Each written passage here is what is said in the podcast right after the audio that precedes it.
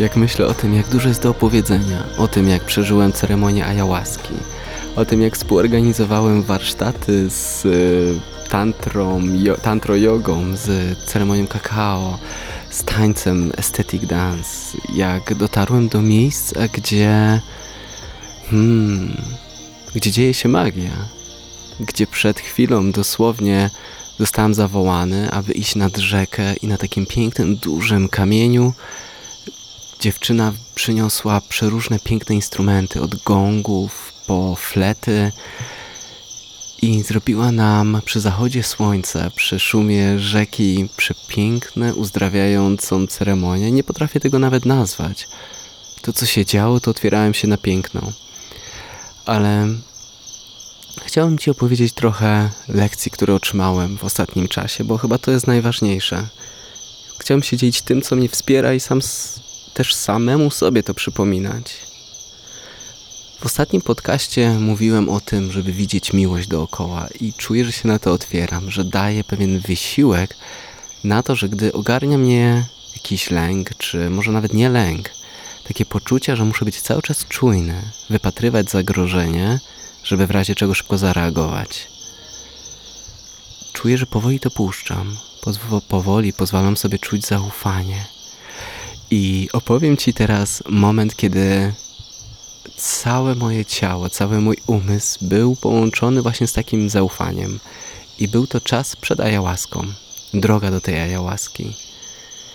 Bardzo łatwo udało mi się wypatrzeć pewne znaki, takie sygnały płynące dookoła mnie od ciała, po rzeczy dookoła mnie, które wskazują, że mam iść tą drogą.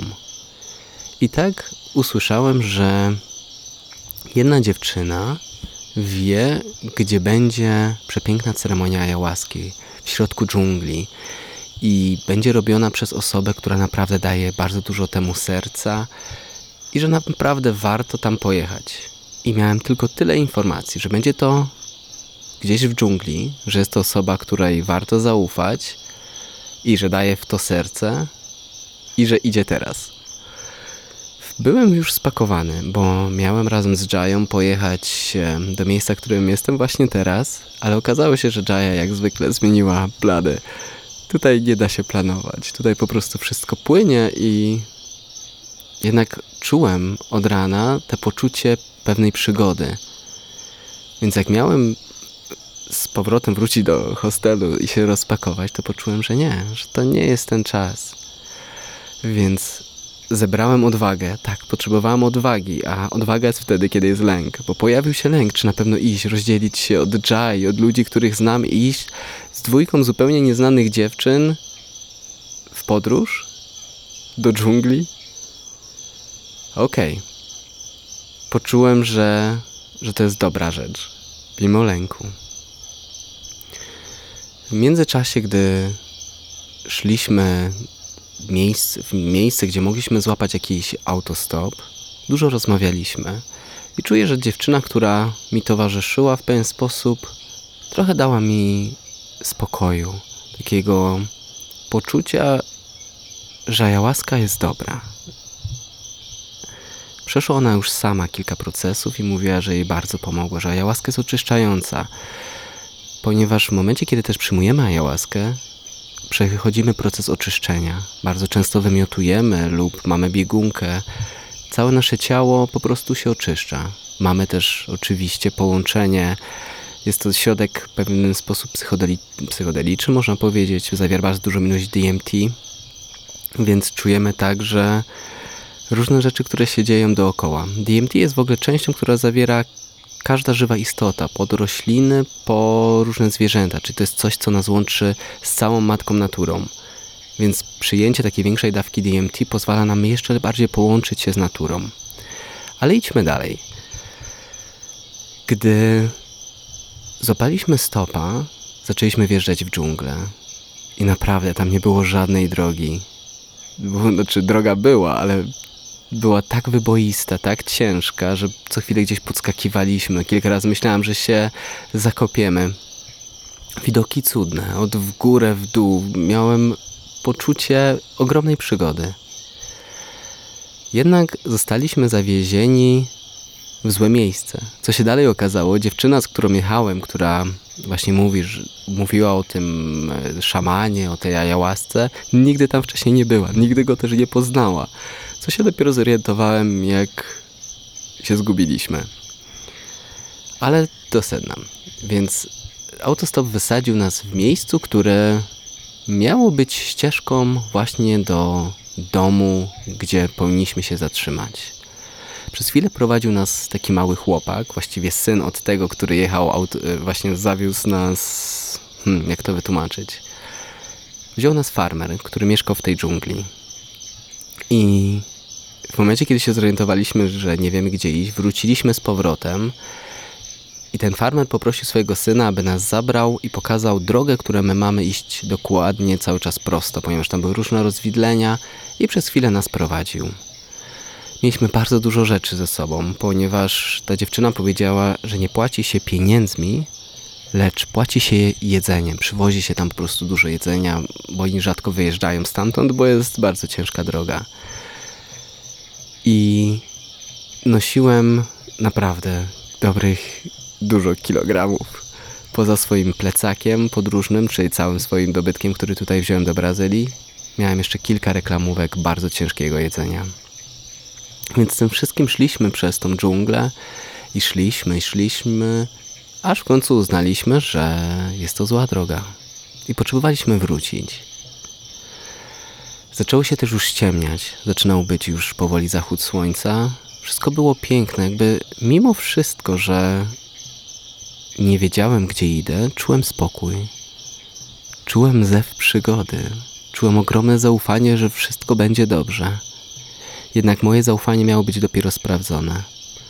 W momencie, kiedy dojechaliśmy do miejsca, w którym poczuliśmy, że już więcej nie pójdziemy, że musimy wrócić, czekała nas powrotna droga. Poszliśmy z powrotem do tego farmera i farmer zawiózł nas w kolejne miejsce pod bramę i zostawił nas pod tą bramą. Ja wraz z jedną z dziewczyn uznaliśmy, że przeskoczymy przez tą bramę i poszukamy, czy za tą bramą jest ten dom, którego szukamy. Nie mieliśmy pojęcia, jak długa to będzie droga za tą bramą. Dziewczyna, która by nam towarzyszyła, została z nami ze wszystkimi bagażami, tylko pojawił się kolejny problem. Zaczęło padać. I to nie jest taki deszczyk letni, jak można się spodziewać w Polsce, ale to zaczęła być naprawdę tropikalna ulewa. Było jeszcze na szczęście w miarę widno. Już było po zachodzie słońca, ale nie było ciemno, więc zostawiłem dosłownie wszystko. Nie myślałem nawet o tym, żeby coś zabrać. Po prostu myślałem, że za bramą przecież musi być gdzieś po pięciu minutach jakiś dom, prawda? To była logiczna myśl. Więc poszliśmy razem i tak szliśmy. Minęły pierwsze 5 minut, 10 minut, 15 minut. Mówię do niej, wiesz co, robi się naprawdę ciemno. Zostań tutaj albo idź powoli w moim kierunku, tam czy, czy w tym kierunku tego domu, żebyśmy sprawdzili, czy to jest w ogóle to miejsce, a ja już tam po prostu pobiegnę, tak żebyśmy, żebyś ty nie musiała iść i żeby ta dziewczyna tam nie została sama w ciemności. I zacząłem biec. I biec. I biegnę kolejne 15 minut i zaczyna być ciemno, jak bardzo ciemno. Cały jestem przemoczony, nie widzę drogi, nie mam żadnej czołówki. Nagle czuję, że moje stopy, moje buty, adidasy, w których jestem, są przemoknięte, bo wdepnąłem w jakiś strumień. Nagle biegnę i widzę, że stado jakichś dzikich krów rozstępuje się i gdzieś tam biegnie. Nagle idę złą ścieżką i widzę, że trafiłem w ślepy, w ślepy zaułek, więc powoli, spokojnie wracam, biorę kilka głębokich wdechów i nadal czuję te dziwne zaufanie, ten spokój, to, że będzie dobrze. I ogromną ilość energii, aby dalej biec. To nie są małe górki, to nie są małe dystanse. Cały czas, żeby pojechać, co się później okazało, a to może nie zaspoileruję, później powiem. Więc wróciłem z powrotem na tą ścieżkę, gdy wszedłem w ślepy zaułek i biegłem dalej w kierunku, gdzie miał być jakiś dom. I biegnę, i biegnę. I nagle w pewnym momencie widzę dwa auta. Cieszę się, bo to znaczy, że są jacyś ludzie, więc nawet jeśli to nie jest to miejsce, to mam nadzieję, że tutaj zostaniemy. Tylko też sobie przypominam wtedy, że nie mówię po portugalsku. I ogarnia mnie mała wątpliwość, jak się dogadam, ale czuję tak dużą zew emocji, że wiem, że emocjami ich przyciągnę i wytłumaczę, że są dwie dziewczyny, które potrzebują w- pomocy. Uświadamiam sobie też, że ta dziewczyna, która poszła ze mną, jest gdzieś na środku tej drogi, w całkowitej ciemności, nie wiedząc, czy wrócę, czy nie wrócę. Nie mam pojęcia, jak ona sobie radzi z takimi rzeczami, ale czuję, że nie mogę po nią wrócić. Intuicja mi mówi, że mam biec, że mam odważnie iść i poszukać pomocy. Biegnę, dobiegam do jakiegoś domu i wymawiam imię faceta, który, który, którego mieliśmy przez te kilka nocy przespać się, zanim się pojawi zanim przyjdzie ceremonia jałaski. Jest tam kobieta, która nic nie mówi po angielsku i mówi, że ten facet, gdzie mamy mieszkać, mieszka troszkę dalej. Trochę się czuję wkurzony już, bo mu próbuję wytłumaczyć, że są dwie osoby, że leję, jestem cały przemoczony. Zresztą pewnie też była w szoku, bo jakiś mokry koleś w pełen emocji przylatuje do niej i mówi po angielsku rzeczy, których ona nie rozumie. Jedynie tam mówi trochę po hiszpańsku, więc mówi, że tam ala darecze, że jak będzie rozwidlenie dróg, to że mam skręcić w prawo i czuję po prostu już trochę wkurw, bo jestem po dobrym półgodzinnym biegu w deszczu, przemoknięty w ciemności, nie mając pewności, że za chwilę nadepnę na węże, co się w ogóle później, kurde, okazuje, że warto chodzić tam czołówką, bo jest dużo węży i to jadowitych. Ale mimo wszystko cały czas towarzyszy mi zaufanie. Więc zaciskam zęby i mówię, okej, biegnę dalej. I czeka mnie kolejny 15-minutowy bieg. Czy tam 10, nie mam pojęcia jak z tym czasem, w takiej ulewie, w takiej ciemności, ten czas się rozciąga i rozciąga. I w końcu dobiegam do, do tego domu, gdzie mieszka ten facet. Okazuje się, że tak, że to jest on. Już, już wtedy poczułem, jak już ta dziewczyna mi powiedziała, że tak, że on tam mieszka, poczułem jakąś ulgę, że tak, przynajmniej nie zabłądziliśmy i, i dotarliśmy. Więc emo- pełen emocji mówię mu, co się dzieje, próbuję mu to wytłumaczyć, że tu Chicas, dwie dziewczyny są gdzieś tam w ciemności, w deszczu, w tej ulewie, z bagażami, że mamy bardzo dużo rzeczy, że gdybyśmy mieli teraz, miałbym tam wrócić i to wszystko teraz znosić w tej ulewie, że to jest jakaś po prostu niewyobrażona, wyobrażalna katorga, którą e, musielibyśmy znowu przejść. Katorga, no nie wiem, cały czas byłem i tak tak zadowolony i to jest najdziwniejsze. Czułem cały czas, że wszystko będzie dobrze. Ale pojawiała się też złość. Zwłaszcza kiedy widziałem, jak on się ociąga, jak idzie tam komuś coś powiedzieć. I w końcu łaskawie wychodzi z tego domu. Nie chcę go pośpieszać, bo jest jedyną moją deską ratunku, więc idziemy, powoli idziemy. Ja trochę przyspieszam ten krok. Przechodzimy obok tego domu, w którym była ta kobieta. On wchodzi do tego domu, chwilę z nią gada. Czas leci, ulewa cały czas wzmacnia się, coraz głębsza noc. Dochodzimy do auta, co się okazuje, jego auto ma panę. Czuję przypływ energii, złości i mówię w każdym języku, którym potrafię, że stary, ogarnij te drugie auto, weź przyjedź po nas, daj mi teraz swoją czołówkę, więc zabieram mu czołówkę, musi on sam wrócić do tego domu już w ciemności. Zakładam tą czołówkę i biegnę do tej dziewczyny z taką myślą, że przynajmniej jej pomóc, tej, która jest na tej środku tej drogi. Więc biegnę, już nie zważam, czy wdep- wdeptuję, bo już jest kałuży, jest mnóstwo. Więc jestem i tak, tak, cały przemoknięty. W pewnym momencie się po- poślizguję, upadam w te błoto, więc jestem jeszcze cały umarasany. Dobiegam, okazuje się, że ta dziewczyna faktycznie jest na środku tej drogi. Była zmartwiona, ale miała też spokój. Mówiła, że bardzo się martwiła, że ja się zgubiłem. Że będziemy, będą musieli mnie potem szukać. Nie byli pewni, gdzie to jest i że mnie przeprasza, że, że, nie, że nie znała tej drogi. Ja mówię, że znalazłem kogoś, że możliwe, że po nas przyjedzie, ale chodźmy teraz do tej trzeciej dziewczyny, czy do tej drugiej dziewczyny, tej trzeciej osoby, która nam towarzyszy, aby, aby zobaczyć, co u niej, czy jest naszymi bagażami, czy ktoś jej nie porwał, czy co się tam dzieje na samej dole, na samym dole.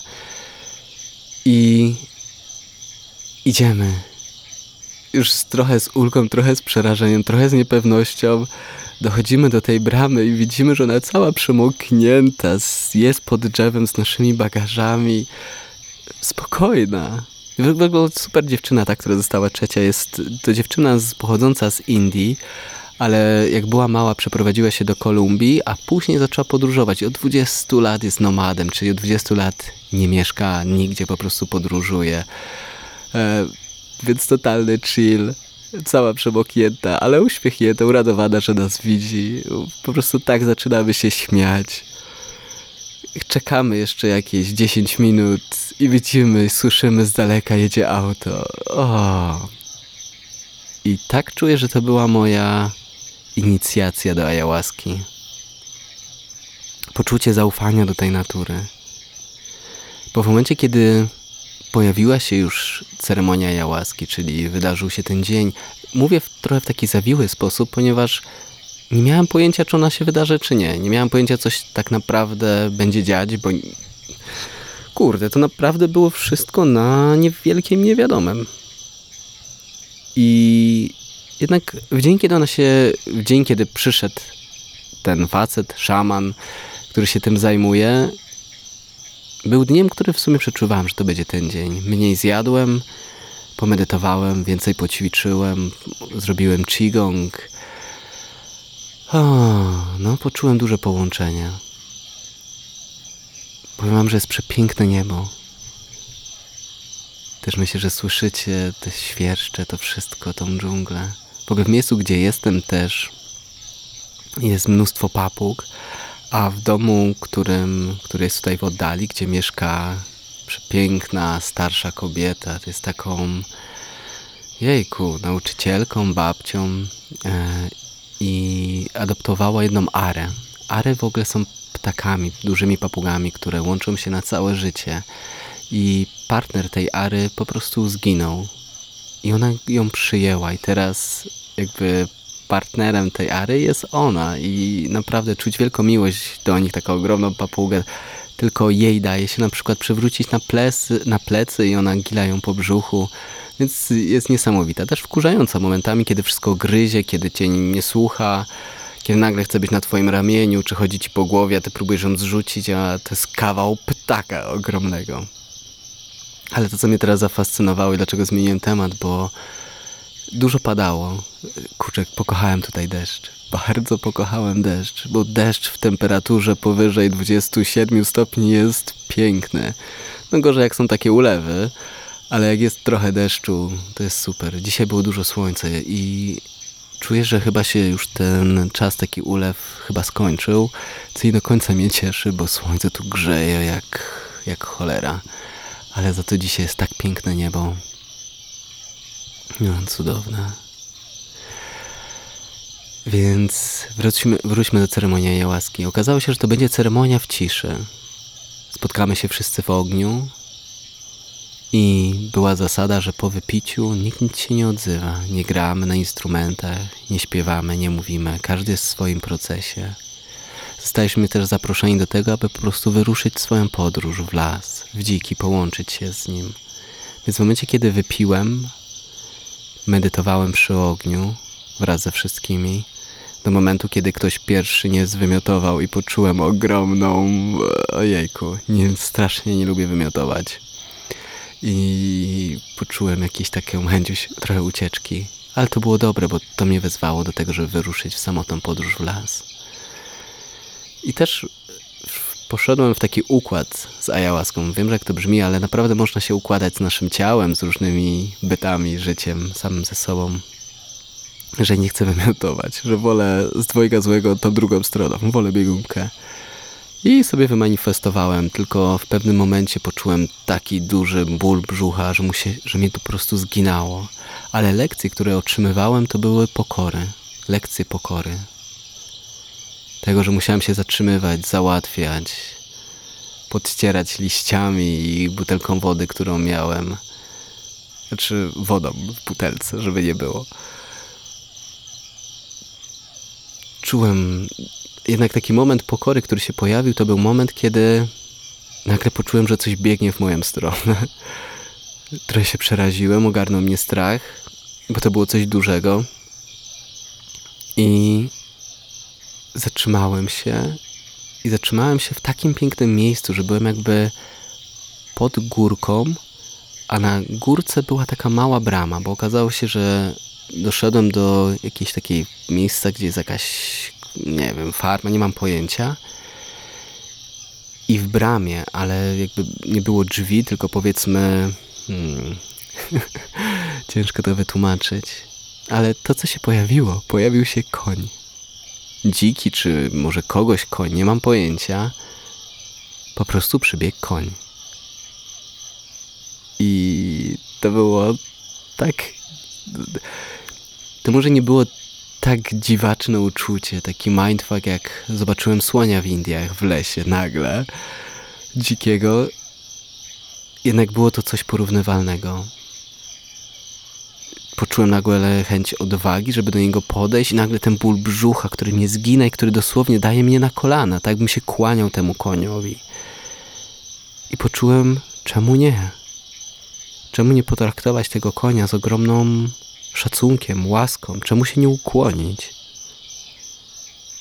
I trochę taki smutek, że musiałem do tego zostać zmuszony ogromnym bólem brzucha. I zaczynam o tym myśleć. Wstaję i rusza w jego stronę, i w tym momencie on się przestraszył. Nie dziwię się, bo zostałem w umyśle. Pojawiło się poczucie takiej winy, że czemu czasami tak brakuje mi pokory w życiu. Jednak zanim odszedł, pokazał swoją siłę, stań, nie wiem czy stanął na dwóch nogach, nie wiem czy teraz to już moje wyobrażenie, czy nie, ale z tego momentu, co pamiętam, to jego ogromną siłę i ogromny krzyk, dźwięk, tak koń, e, jak się chyba przestraszy, taki robi, oho, czy coś w tym stylu, naprawdę jestem słaby teraz w to. Bo, bo dlaczego to, to był akurat moment, kiedy poczułem pewną złość do siebie, że czemu zostałem w umyśle. I tak wyglądały te procesy, czyli pokora i takie wybaczanie sobie, akceptowanie to, że czasami utknę w umyśle. Kolejna rzecz, która się pojawiła, to poczucie siły. Poczucie, że mogę zaufać, że jestem bezpieczny. I to mi chyba towarzyszy aż do, do dzisiaj nawet. Czuję, że się dużo zmieniło, tak wyluzowałem, odpocząłem, czuję się dziko, czuję się wolny, czuję, że. Hmm. Czuję, że jestem częścią tego. Kocham Brazylię. Naprawdę mógłbym tu mieszkać. Z tych wszystkich krajów, w których byłem, Brazylia ma coś w sobie, co mnie woła. Jednak dużo zależy od tego, czy nauczę się języka. Jednak wiem, że też potrzebuję wrócić. Lubię też moje wyjazdy, zaczynam medytować. Czuję, że to jest praca, którą, w której czuję się, że się odnajduję. Chcę być nauczycielem, chcę być najlepszym możliwym nauczycielem. I czuję, że mam dużo. Hmm, dużo pragnienia, aby się dzielić, aby tworzyć przestrzeń właśnie na, na to, aby ludzie mogli się połączyć sami ze sobą, w ciszy, w poczuciu bezpieczeństwa, pokochać siebie. Odkryć medytację taką prawdziwą, gdzie już nie ma kontroli, ale jest po prostu poddanie się życiu. Dobra, przeskoczę teraz dalej. Po ceremonii ayahuaski wróciłem do, do miasta, jednak zaraz jak przyjechałem, to znowu natrafiłem na, najpierw na Aquę, czyli na faceta od Jai. I po prostu jak jechałem autostopem z powrotem, nagle go widzę gdzieś e, przy Asai. Asai to są, to jest coś bardzo popularnego w Brazylii, gdzie można e, prawie wszędzie to dostać. To jest chyba owoc. E, w Polsce chyba też mamy nawet syrop z acai z tego owocu. Ale zazwyczaj jest to jako w formie lodów, mieszanką różnych rzeczy. Wiem, że te acai też niektórzy jedzą na słono z rybą, ale nieważne.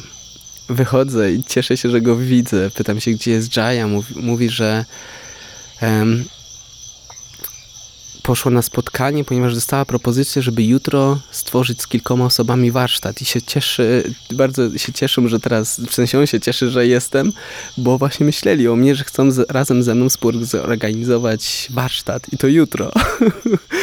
Więc on akurat malował e, plakat i, i tak okazało się, że zaczęliśmy przygotować warsztat ja byłem odpowiedzialny za ceremonię kakao. Z braku laku, w sensie braku portugalskiego, nie mogłem prowadzić medytacji.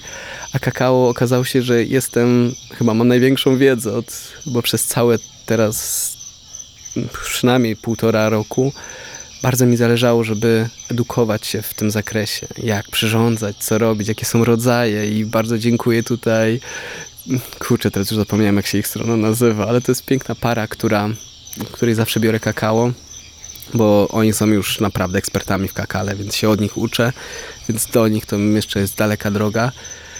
Jednak na osoby, które tam były, to byłem ekspertem.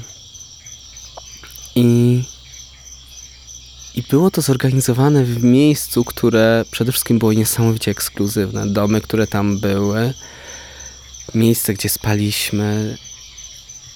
No, myślę, że to był luksus który cieszę się, że mogłem doświadczyć.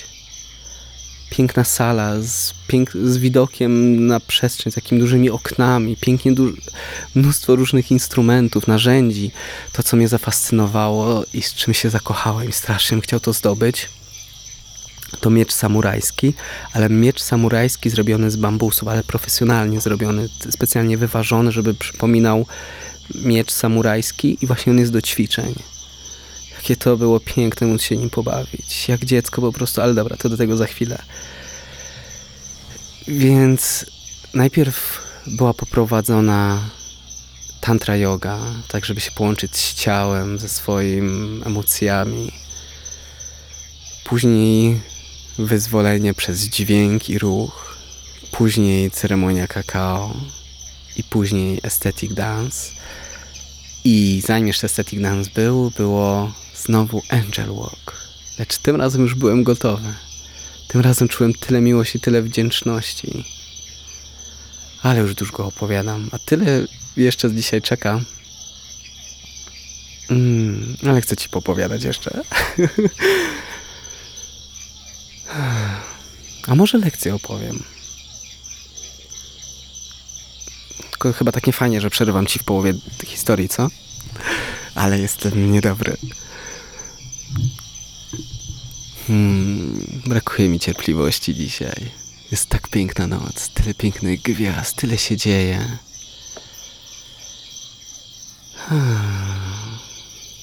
Chyba to, co chciałbym naprawdę powiedzieć, to to, na czym się skupiamy, to staje się większe. I teraz dam ci skarb, który, o, jak jest dla mnie skarbem mojego serca teraz. W życiu są rzeczy dobre i złe. To jest coś, co jest nieuniknione. Jest po prostu ból i jest przyjemność. Ying i yang, prawda? Białe i czarne. Kojarzysz ten piękny znak, który po prostu tańczy.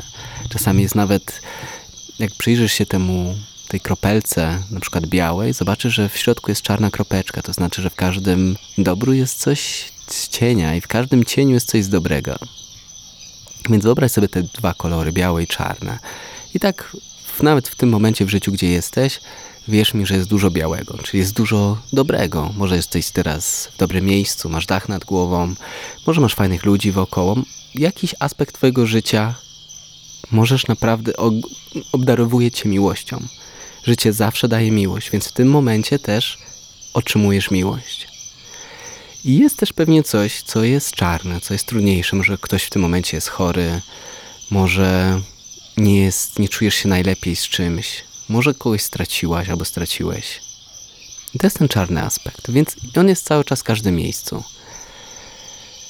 I co to znaczy podnieść swoją wibrację? Bo jest to możliwe. Wymaga to przede wszystkim pewnego pewnej decyzji i przypom pamięci, przypominania sobie, żeby otwierać się też na miłość, na to, żeby ją widzieć, widzieć jej wdzięczność, przypominać sobie o niej. Więc jak już mamy te dwa kolory, biały i czarny, wyobraź sobie teraz pianino. I na jednym krańcu są bardzo piskliwe, niskie dźwięki. To zależy kto co lubi. Może powiedzmy, że na jednym krańcu są niskie wibracje. To jest tam, gdzie często ogarnia nas smutek, depresja, ogromny żal, apatia. Ale możemy to podnieść, zagrać wyżej, iść wyżej, wyżej, wyżej, aż na sam koniec, gdzie ból też jest, ale jest mniejszy. Kiedy nam nie przeszkadza, kiedy go akceptujemy, kiedy akceptujemy, że wszystko przemija. Że przemijają relacje, przemija zdrowie, przemija młodość, ale przemija też i ból, przemija też i niepokój. Kiedy czujemy się w zgodzie, kiedy czujemy pełne zaufanie do życia i kochamy je, czujemy, że miłość płynie do nas. Tam nadal jest białe i czarne. Ale nie jest straszne, nie ma cierpienia. Drugą rzecz, którą chciałbym zrobić, to chciałbym poprowadzić Cię przez pewną medytację. Nie czuję teraz zbytnio cierpliwości, żeby zrobić to w tym momencie, ale dam Ci wskazówkę, jak to zrobić już teraz samemu. Medytacja, którą mam dla Ciebie, to jest skontaktowanie się ze swoim wewnętrznym dzieckiem. Może czujesz jakiś czasami niepokój, jakąś separację. Gdy to czujesz, wyobraź sobie, że to jest jakieś dziecko, które jest czyimś dzieckiem. Że to nie jesteś ty, ale czyjeś dziecko. Wyobraź sobie, że do niego podchodzisz i wiesz, jaka czeka go przyszłość. Że kiedyś stanie się właśnie tobą, że dorośnie, że będzie silny, że będzie potrafiła lub potrafił sam się sobą zaopiekować, że będzie wokół dobrych ludzi, że przeżyje bardzo dużo, że nie jest sam, że nie jest sama, nie jest samo. Taka perspektywa dużo daje, takie przypomnienie sobie, że to dziecko, które czasami w nas jest i które się odzywa, kiedy wchodzimy w to nasze wewnętrzne dziecko, przypomnieć mu, że już jesteśmy też dorośli i że bardzo dużo przeżyliśmy. Może zrobiliśmy jakąś, coś, jakąś karierę, czy mieliśmy jakieś piękne relacje i rozstania przeżyliśmy, że dużo już przeżyliśmy, jesteśmy silni i potrafimy się o siebie zaopiekować, że już nie jesteśmy tym małym dzieckiem. To jest naprawdę ważne. Wiesz co? Będę kończyć. Czuję, że wzywa mnie przygoda. Cieszę się, że jesteś. I chciałem Ci dzisiaj życzyć, abyś uświadomiła lub uświadomił sobie i odnalazł w tym momencie, w jaki sposób płynie do Ciebie miłość. Na pewno ja Ci ją wysyłam, więc już teraz nie uciekniesz od tego. Wysyłam Ci dużo ciepła, dużo miłości, dużo dobra. Jestem i wierzę w Ciebie. W tym momencie też masz możliwość słuchania, czyli masz chwilę czasu dla siebie. Poczuj, że miłość płynie. Poczuj, że jesteś kochana, że jesteś kochany. Otwórz się na piękno, otwórz się na to, by widzieć, że wszechświat w każdym momencie wysyła do ciebie w jakiejś formie miłość.